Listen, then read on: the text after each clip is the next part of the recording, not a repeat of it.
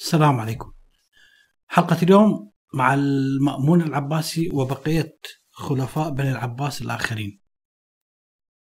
يموت هارون الرشيد ويصبح الأمين العباسي هو الخليفة من بعده. يتنصل عن القسم اللي أقسمه بالكعبة إنه أخوه هو يصبح ولي العهد لا ينادي بابنه الطفل الرضيع ولي العهد بل إنه يطالب المأمون بثلاثة من الولايات الشرقية.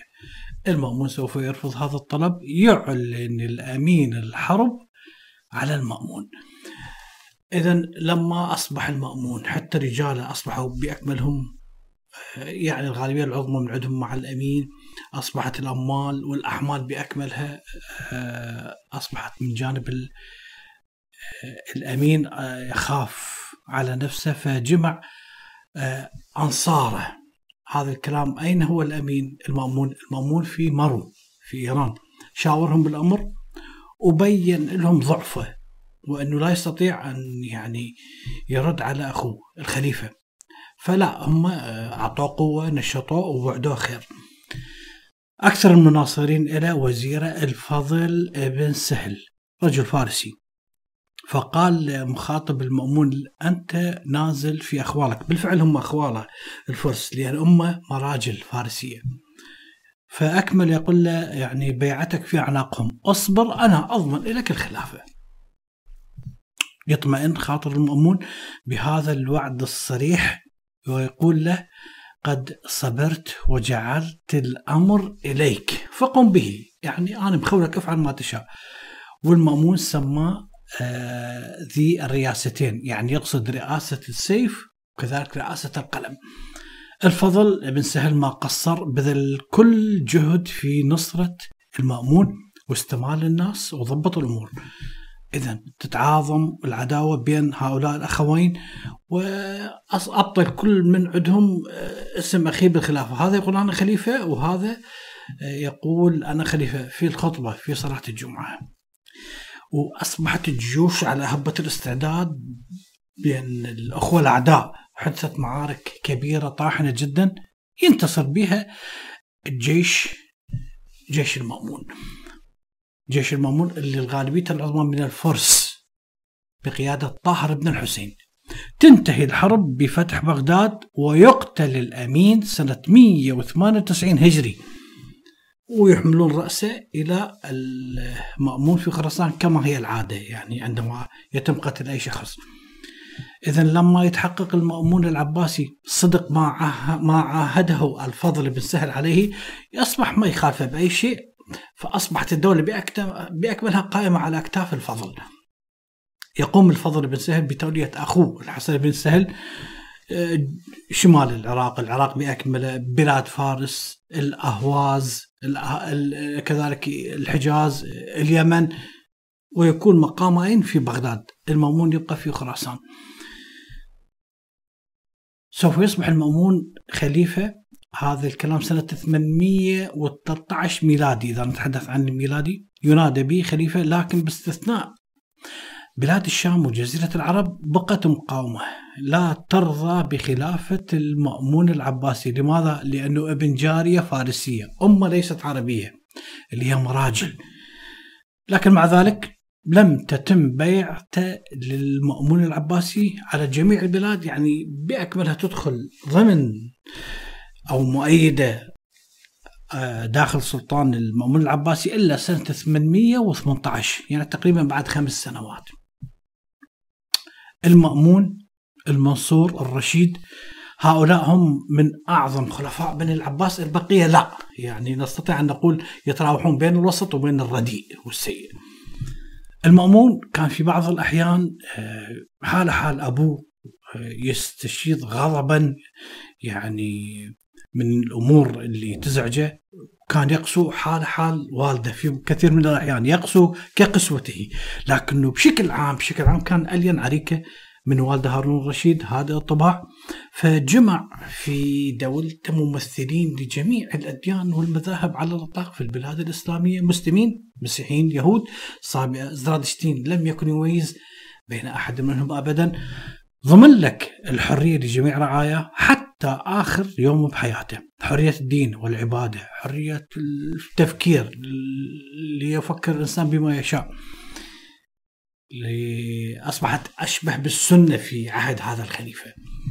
كان المأمون العباسي يشجع لك الفنون والعلوم الآداب الفلسفة. كان أكثر تنوع من عهد هارون الرشيد. كان لهذا التشجيع من قبل المأمون العباسي أثر عظيم في لنقل نهضة أو وجود حتى الحضارة الإسلامية. لدرجة أنه أب بدأ يرسل مبعوثين إلى القسطنطينية للإسكندرية لأنطاكيا وغيرها من المدن المتحضرة للبحث عن مؤلفات اليونان وترجمتها. بدأ يعطي رواتب كثيرة لطائفة كبيرة من المترجمين هؤلاء المترجمين اللي نقلوا لك الكتب من اليونانية من الفارسية إلى اللغة العربية. يعني أنشأ لك مجمع علمي في بغداد وحتى مرصدين. في بغداد وآخر في تدمر.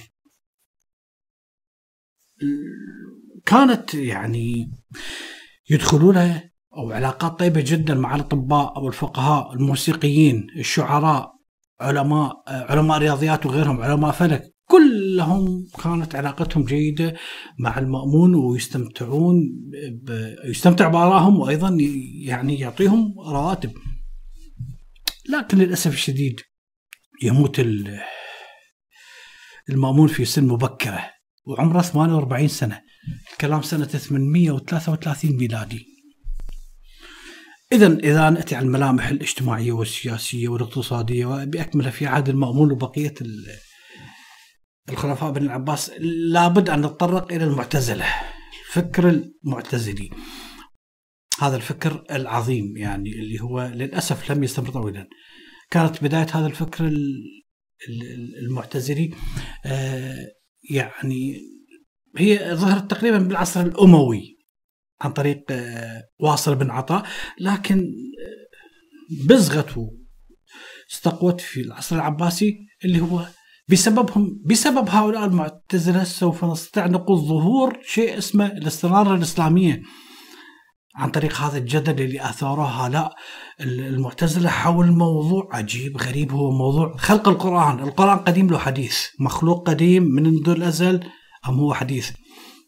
هذه الآراء العقائدية الموجودة عند علماء السنة. ماذا تقول؟ علماء السنة يقولون أن القرآن كان على الدوام موجود في عقل الله بمعنى قديم وأن النزول على محمد على رسول محمد كان يعني يحدث في آه، زمان معين. بمعنى بمعنى على سبيل المثال إنه تبت يد أبي لهب وتب. هاي موجودة منذ الأزل منذ في عقل الله منذ الأزل.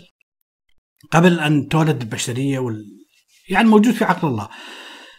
وفي الوقت المناسب نزلت هاي تب يعني أبو لهب ملعون من قبل آه، من الأزل.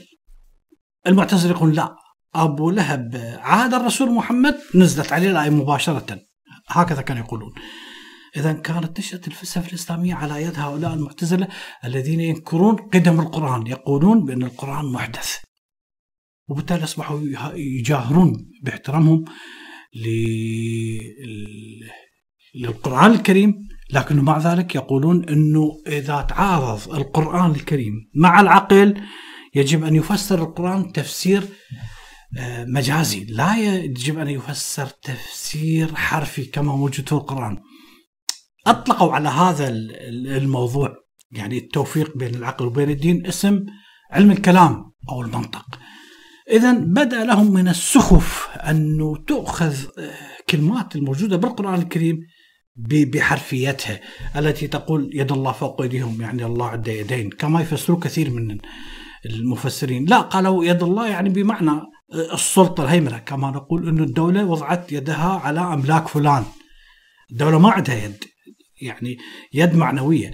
آه، أو كما الآيات التي تقول إنه الله يغضب ويكره وكذا وإلى آخره. فقالوا أيضا هؤلاء المعتزلة بأن تشبيه الله بالكائنات البشرية على هذا النحو إذا كان ممكن يتفق في عهد الرسول محمد على اعتبار إنه الأخلاق والسياسة في أيام الرسالة الإسلامية بدايتها يعني كانت تستوجب هذا الشيء من أجل تقريبها لعقول الناس. لا يمكن أن نبقى نتقبل نفس التفسير في عصر الوحي لهؤلاء الناس المستنيرون في أيام المعتزلة. لذلك كانوا يقولون آراء جدا رائعة. يقولون أن العقل البشري عاجز كل العجز عن معرفة طبيعة الله وصفاته. كانت فيما بعد سنراه. لذلك قالوا كل ما يستطيع العقل أن يؤمن به آه، فقط عن طريق الإيمان بالقلب العقل لا يستطيع أن أن يثبت هذا الشيء. كل ما نستطيع أن نقوله نعم هناك وجود قوة روحية عظمى هي أساس الحقائق بأكملها. لكن ما هي هذه القوة؟ العقل هنا يتوقف ليس مجاله إذا كانوا هؤلاء المعتزلة يرون أنه الخطر الشديد على أخلاق الناس على أعمالهم أن يؤمنون كما يآمن عامة المسلمين بأن الحادثات كلها مقدرة تقدير وأن الإنسان كل هذه الأمور مقدرة عليه والإنسان كالسعفة في مهب الريح قال قالوا لا هذا كلام غير صحيح وأن الله لم يختار منذ الأزل من سوف يثاب ومن سوف يعاقب. يعني يأكدون على حرية الإرادة. بالبداية تنقوا هذه الآراء المخالفة لجموع المسلمين بشكل سري في بادئ الأمر. على يد عدد قليل من علماء المعتزلة والناس اللي خارجين عن الفكر. ثم جهروا بها بعض الرجال في مجالس بعض الخلفاء. ثم وجدت إلها من يدعو إليها في محاضرات. تلقى هنا وهناك في المدارس وفي المساجد. ثم أصبحت في أماكن متفرقة بين العامة تنتشر هذه الآراء. افتتن المأمون العباسي نفسه بهذه النزعة العقلية الآخذة في القوة والانتشار وبسط عليها حمايته. انتهى الأمر بأن جعل جعلها العقيدة الرسمية للدولة. جعل عقائد المعتزلة مذهب الدولة الرسمي وهنا شخصيا رغم احترامي وتقديري للمأمون العباسي أكثر من الرشيد والمنصور هذا تصرف أحمق رقم واحد. المأمون راح يصرف حماقتين. أول حماقة هو ليس اعتقاده بالمذهب المعتزلي. المذهب المعتزلي من أروع المذاهب العقائدية أفضل من عقائد الشيعة وأفضل من عقائد السنة. لكن أن تفرضه وتعتبره هو المذهب الرسمي للدولة بالقوة لا هذا كلام خاطئ. يعني بالعكس أنت أسأت للمعتزلة. رغم عظمتهم لأن العوام ما تعرف أمور عقلية العوام تعرف بالتقليد. فهذه كانت يعني من الأمور اللي لم يكن من اللائق بالمأمون ان يصرفها، المأمون مع ذلك مزج بعض العادات والأمور والآراء والأفكار الشرقية اللي نستطيع أن نسميها آراء إسلامية بمن مزجها بآراء مستمدة من الثقافة اليونانية، يعني رجل مهين، رجل أيضا ذكي، ليس هين. لذلك أصبح معتزلي لكن الخطأ أنه فرضه فأصدر سنة 832 أمر يفرض به على جميع المسلمين أن يعتقدون بأن القرآن محدث أن القرآن ليس قديم. وأتبع هذا الأمر بأنه أي شخص يقول بهذا الكلام أي قاضي يعزل. هذا القاضي ما يعين في أي محاكم. أصلا اللي ما يقول بهذا القول لا تقبل إلا حتى شهادة، هذا يعني أمر جدا سيء من المأمون. والغريب أنه صدر قرارات أخرى آه، يعني تحتم على الناس قبول عقيدة حرية الإرادة وهذا شيء جدا رائع. بس فرضها على الناس. هذا الأمر اللي يعني السيء كذلك فرض على الناس أنه يجب أن يؤمنون بعجز النفس البشرية عن رؤية الله بالعين. كما يعني مثل يقولون بالآية آه الآية القرآنية التي تقول آه إلى ربها ناظرة. الناس ما تفهم هذا الشيء. ناس بسطاء العوام ما يفهمون هاي الأفكار، هاي الأفكار للنخبة. المهم انتهى به الأمر بأنه جعل أي شخص يرفض هذه العقيدة من الجرائم التي يعاقب عليها مرتكبها بالإعدام. ومثل ما ذكرنا يتوفى المأمون العباسي سنة 833 ميلادي لكن اللي أتوا من بعد المعتصم الواثق هؤلاء الذين تولوا الخلافة من بعده واصلوا هذه نفس الحملة الفكرية معتزليين يقاوم الإمام أحمد بن حنبل هذا الاضطهاد الفكري هذه الحتمية التي وضعها الناس وضعها المأمون على الناس رغما عنهم ندد به.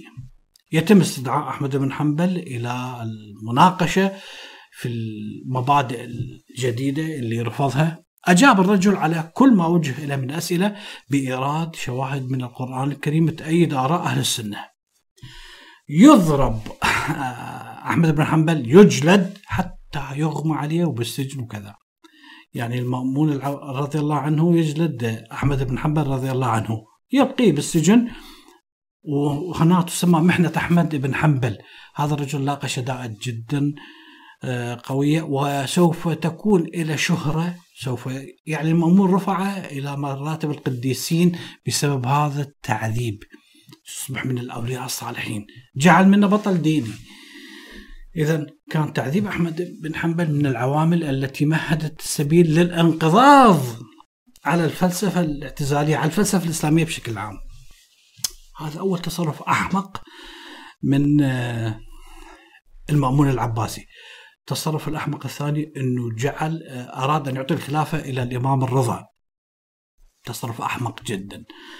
المأمون العباسي في لحظة ما أعرف كيف وكذا آه، أمر بنقل الخلافة إلى إلى العلويين. يعني كان داعيتهم ليس داعيتهم كان أبرز شخص لنقل الممثل عن الأئمة الاثني عشرية العلويين هو الإمام علي بن موسى الرضا. علي بن موسى بن جعفر بن محمد ابن علي بن الحسين بن علي بن أبي طالب ثامن أئمة المذهب الشيعي الاثني عشري فقالت تتولى الخلافة من بعدي. الإمام الرضا قال لا يعني رفض هذا الشيء. فأبى علي قال إذا كان لابد اجعلني ولي عهد لكن الخلافة ما أستطيع أن أستلمها. يعني عنده عقلية أفضل من المأمون العباسي الإمام الرضا. المأمون العباسي يعني كان متأثر بالمذهب الشيعي لربما كان شيعي بال بفروع الدين معتزلي العقائد يعني شيء عليه ضبابيه المهم صار احتفال وبايعوا لك الناس آه علي الرضا ولي للعهد سنة 201 هجري. جعل الخليفة من بعده يعني ولي للعهد ولقبه الرضا من آل محمد وأمر الجند بطرح السواد يعني عدم لبس السواد اللي هو شعار العباسيين الأبيض شعار الأمويين وجعل المأمون العباسي الأخضر هو آه، شعار العلويين كتب بذلك إلى الآفاق. ومثل ما ذكرت الإمام الرضا كان يعني يتميز بالفراسه أفضل من المأمون العباسي بهذا الناحية بحيث إنه جبر أن يكون ولي للعهد. والحقيقة عندما نسأل يعني ما الذي يمكن أن يفعله الرضا آه، أكثر من اللي فعله جدة علي بن أبي طالب في خلافته؟ ما هي ما لا استقامه لها، هل سيؤسس دولة ثيوقراطيه دينية؟ يعني بن العباس أقدر على الخلافة، الناس لا تريد أهل البيت، يعني نقولها بصريح العبارة. يعني مجرد اسمهم علويين هم الجزء المعارض، اليسار الإسلامي آه، في الإسلام التيار اليساري العفو التيار اليساري في الإسلام المعارضة يعني الغالبية العظمى لن تقبل يعني هذا الأمر من المأمون لربما يفتت لك بوقت الدولة الإسلامية لو لم يمت الرضا لو لو أصر على بقاء الرضا تتفتت الدولة الإسلامية. يعني هذا يعني إحنا كما نلاحظ يعني عشناها في 2003 عندما صدام الارعن تصرف أراد أن يحارب أمريكا اعتقد بنفسه شجاع وكذا ودخلوا لك الأمريكان خرجوه من الحفره. تعرفون كل الزين ما الذي فعل سنة العراق؟ حرقوا العراق حرق. حرقوا العراق بأكمله. لم يبقى شيشاني أفغاني جزائري إذا ما دخلوه لمناطقهم وفجر وأحرق. ولحد اليوم. يعتبرون العراق مولهم. يعني إذا رأوا طابوقة فوق صدر العراق إذا يستطيعون يخلون طابوقة أخرى لا يفعلون كله لأنه صدام المجرم السني آه، انتهى. مع صدام أبو حنيفة. ولا الإمام الغزالي واحد معتوه تكريتي يحتقر السنة أكثر من الشيعة. فلاحظ يعني ما الذي مع العلم الشيعة الناس لم يقولوا للأمريكي تعالي هو رجل أرعن يحب يحارب. ودخلوا عليه كذا هاي. كم من التفجيرات والقتل والذبح؟ الدواعش اللي وجدوا لهم حاضنة في بيئتهم. لدرجة إنه أصبح هذا المذهب السني العريق جدا اللي احسب من الغزالي لأبو حنيفة إلى ابن رشد. أصبح آه، قائد السنة في العراق شخص لوطي اللي هو أبو مصعب الزرقاوي. أصبح هو القائد الفعلي لكل سنة العراق. وأقولها بدون خجل واللي يزعل خليه يزعل. نعم جميع العراقيين في السنة في وقتهم ولا حتى الآن يعتبرون هذا الأردني اللوطي اللي محكوم بتهمة مخلة بالاخلاق في المحاكم الأردنية هو مثلا هم الأعلى لمجرد أن يقتل الشيعة مع العلم هو قتل من السنة أكثر من عندهم. مع الأسف أنه يوصلون إلى هذه المرحلة ويتخلون عن كل التاريخ العريق، السنة هم اللي بنوا العراق. في عهد الملكية عبد الكريم عبد الكريم سني وليس شيعي، أمة شيعية. عبد الرحمن عبد السلام عارف البكر انحطاط العراق بدا من عهد صدام فهذا وإلا هو السنة هم اللي بنوا العراق، الشيعة ما يعرفون يبنون دولة. الشيعة يعرفون معارضة. فقط يهدمون لا يعرفون بناء السنة بنوا. راح صدام السني حتى مورك العراق باكمله، أنا اذكر عن رضا. تخيل يعني في ذاك العصر ما الذي سوف يحدث. فتتأسف على المصير البائس على الانحدار للحضيض من قبل أهل السنة أما الشيعة فلا أقول عنهم إلا أنهم عمرهم كله بالحضيض فلا يزعلون هسه اثنين متوازنوا زين.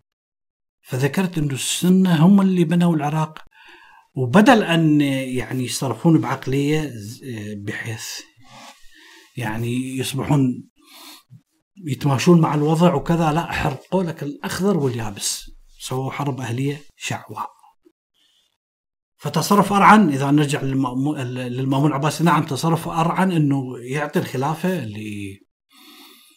للعلويين بشكل عام. ما الذي يستطيع أن يقوم به الرضا؟ يعني ماذا سيفعل الدولة أكثر من أي عباسي؟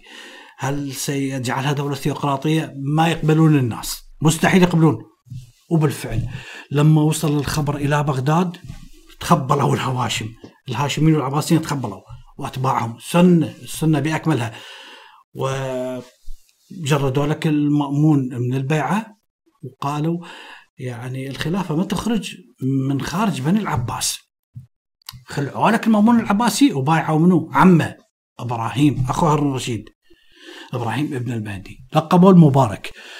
وبعثوا الهواشم بأكملهم رسالة إلى المأمون يهددونه بالقتل إذا بقى على رأيه إنه صمم الخلافة لعلي الرضا.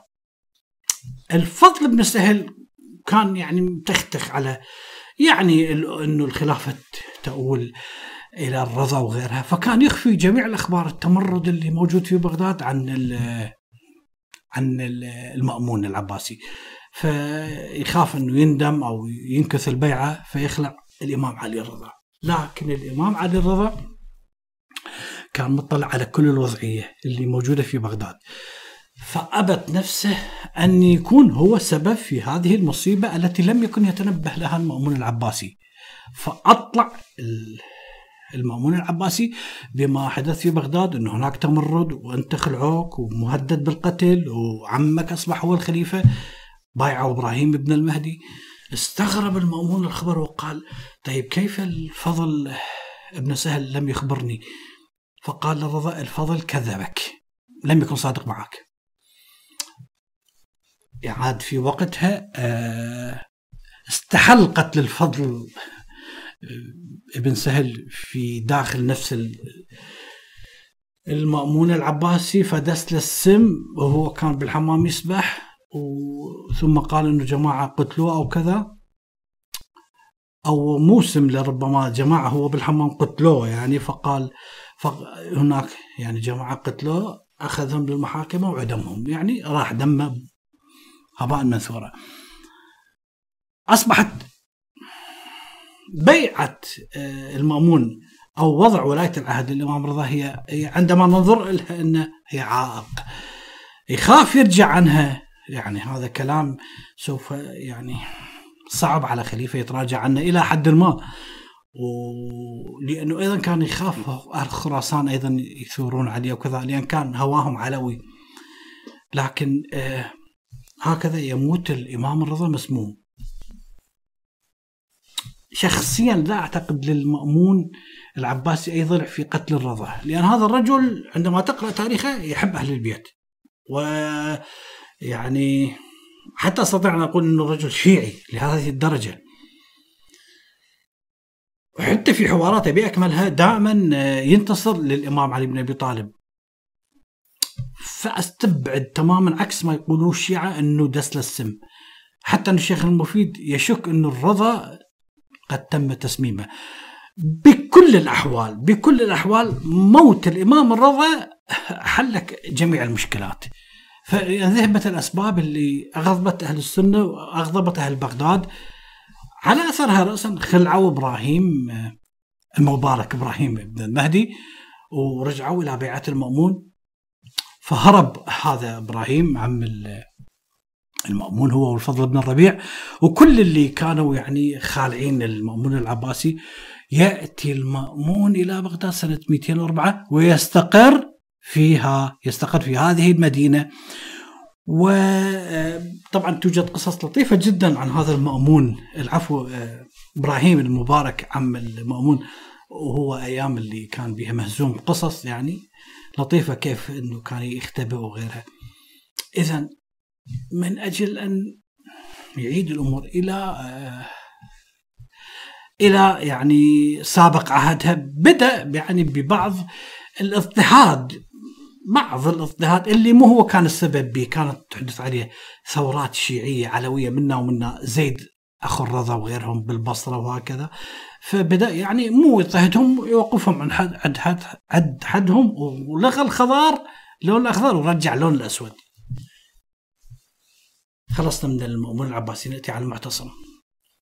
المعتصم يتولى الخلافة من بعد المأمون.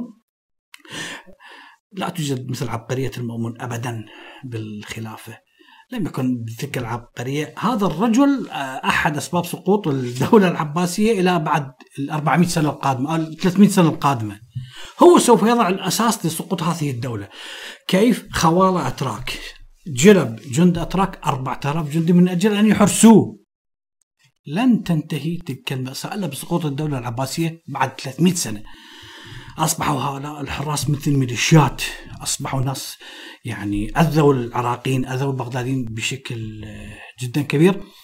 فأصبح حتى الخليفة ما يستطيع أن يتكلم معهم. أصبحوا يتحكموا في أمور الدولة. شكوا من عندهم أهل بغداد بشكل جدا كبير. بسبب هؤلاء الجنود الأتراك اللي كانوا يطوفون بالشوارع فوق يعني سوت الجياد ويأذون ويعني حتى يهتكون الأعراض دون أن يستطيع أحد أن يعاقبهم. اعتداء على الأرض أعراض العراقيين البغداديين بشكل عام. مو يجي يقول لك أيضا المعتصم امرأة بعمورية قالت معتصمة ودز لها جيش. علما هذا هم الجيش فاسدين. هم البغداديات مثل من منهم يروحون على امرأة بعمورية الله أعلم هذا الجيش هو ماشي كم عرض هتك وكم أمرأة اغتصب المهم يعني هذا الأمر اللي كان في هاي مال معتصمة وكذا معروفة بكتب التاريخ الأكاذيب أكاذيب المؤرخين.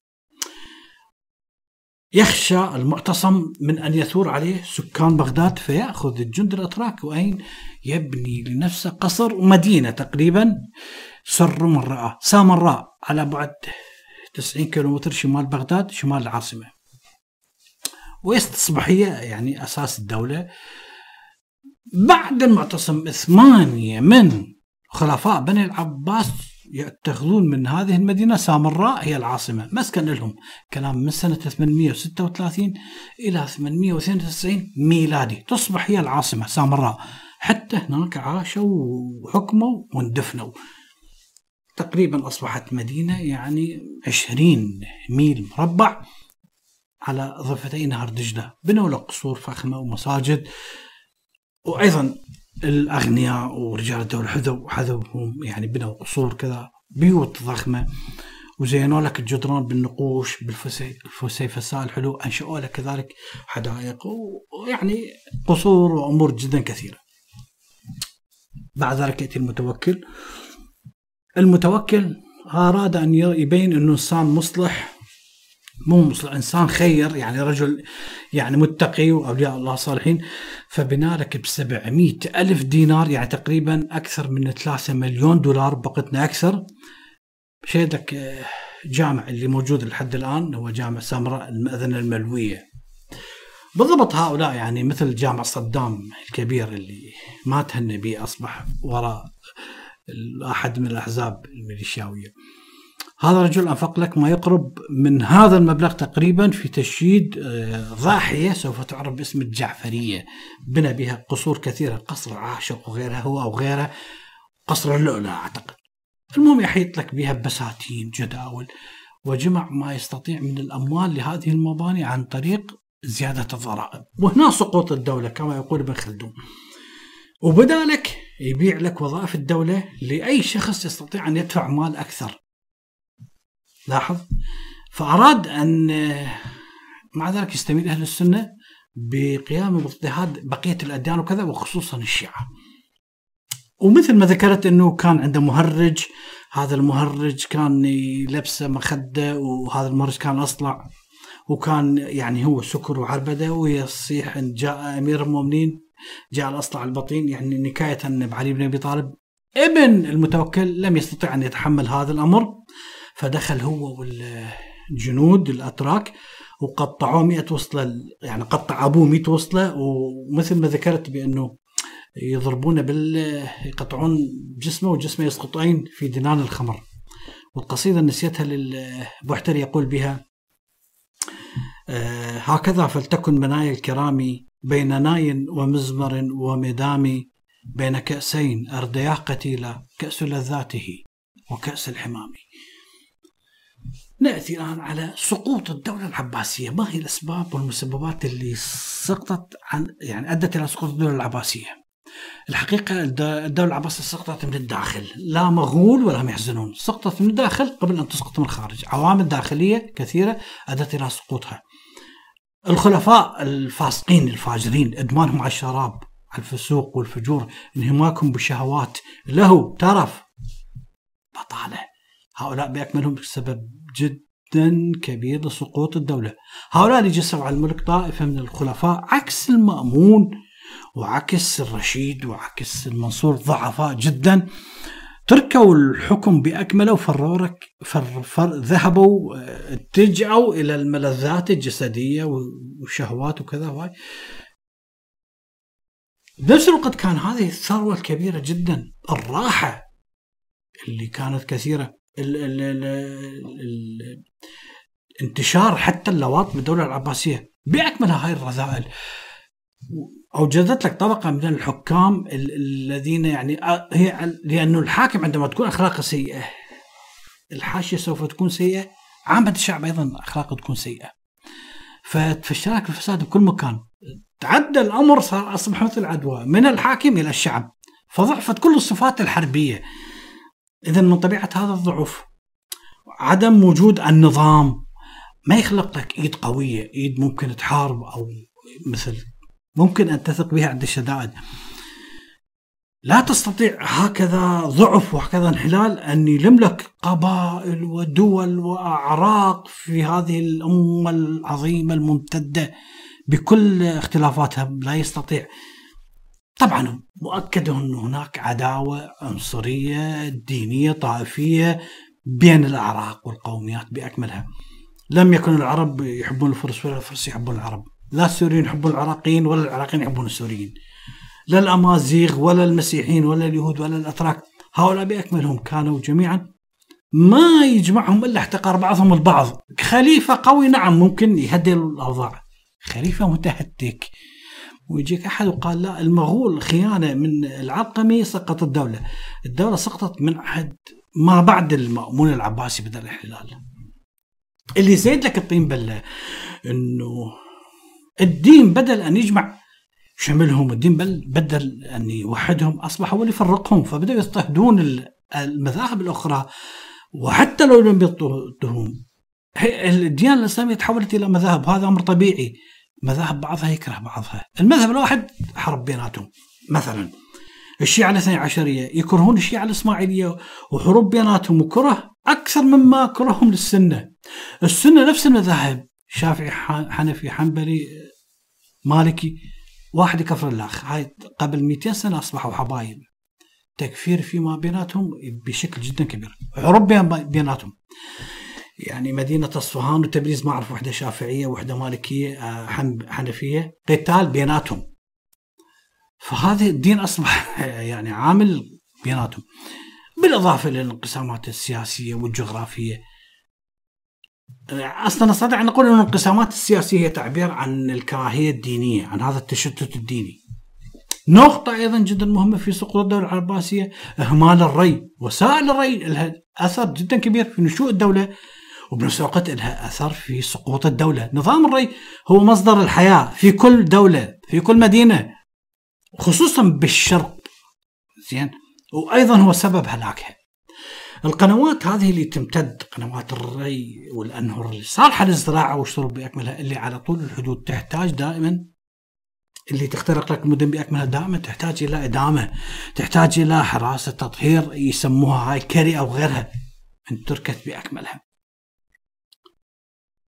السبب أن الحكومة سوف تعجز عن أنه تقوم بتعهداتها لأن أهملت الري الزراعة انتهت فما استطاعت الموارد الطعام أن تكون كافية للسكان. ازدادت نسبة السكان والموارد تقل. إذا لابد من أن يموتون خلق كثير من الجوع حتى لا يختل التوازن. هاي أمر جدا طبيعي.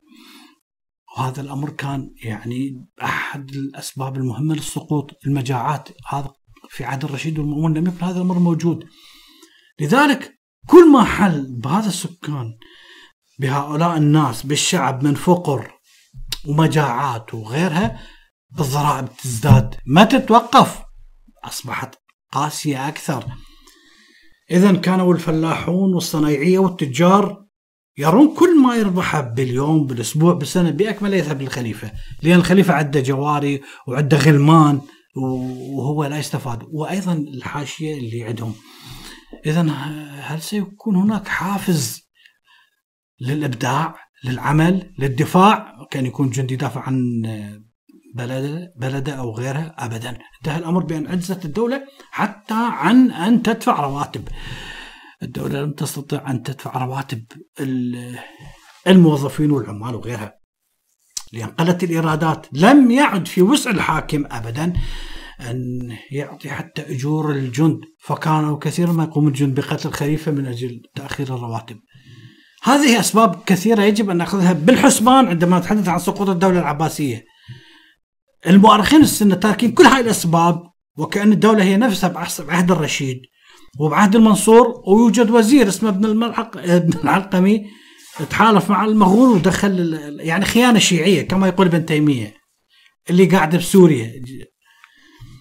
هذا يذكرني بشخص كان عمري تقريبا 16 سنة أقل بداية قراءة وثقافه وكذا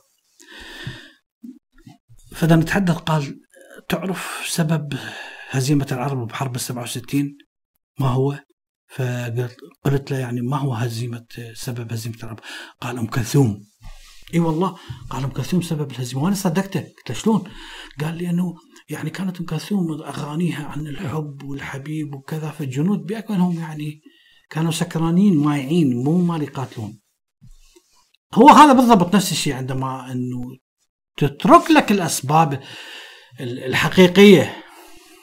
إنه الجيش أصلا مهزوم من الداخل، إنه الجيش المصري هو أصلا لي غير مهيئ لأي حرب خارجية، الجيش المصري فقط لقمع المصريين، مثلا الجيش العراقي لقمع العراقيين، الجيش العربي السوري آه، لقمع السوريين، وليس لخوض حرب خارجية، هذا الأسباب كلها يتركوها، وبالفعل فيما بعد وجدت أشخاص كثيرين يقولون ام كلثوم حتى نزار قباني هم أحد أسباب الانتكاسة. ودائما الفرس، الفرس هم قطعوا الدولة وكذا. والله ليس دفاعا عن الفرس، بس هذا الهروب كارثي طبعا تحدث ثورات الشيعية كثيرة آه، ضد المنصور ما زحزحتها بويهين حكمه كان بإمكانهم إسقاط الدولة. الحمدانيين الشيعة بأكملهم حاربوا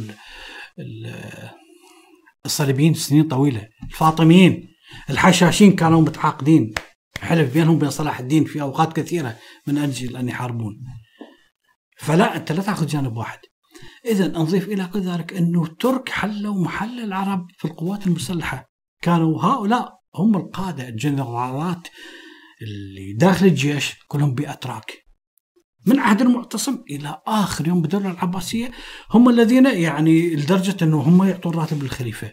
إذا ما عجبهم الخليفة يقتلوه يسقطوه. حتى مثلا نسميها الطبول والمارشات العسكرية تحولت من الخليفة إلى السلطان.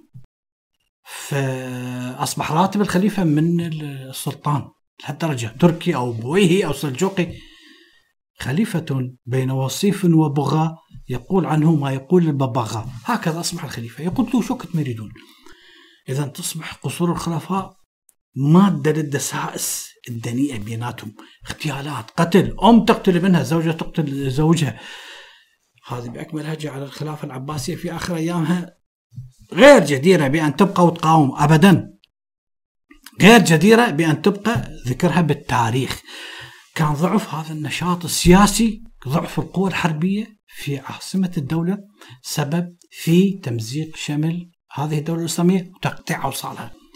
أصبحوا الولاة في الأطراف هم يتحكمون بولاياتهم بدون أن يرجع الخليفة بدون أن حتى يعطونا آه، أموال أو كذا أو غيرها بحيث أصبح لا يوجد سلطان إلا اسمي فقط بالجمعة ربما يعني. بعض الأحيان حتى يجوز ما يذكروا. أصبحوا هؤلاء الولاة بالاطراف يحتفظون بتلك الولايات لانفسهم يموتون يأتون أبنائهم من بعدهم يحتفظون بها. هذه المناصب لأنفسهم طول حياتهم فأصبحوا من بعدهم أبنائهم يرثوهم بعدهم ونعرف إحنا أصلا بلاد الأندلس اعلنت استقلالها عن الخلافة العباسية في عهد أبو جعفر المنصور 756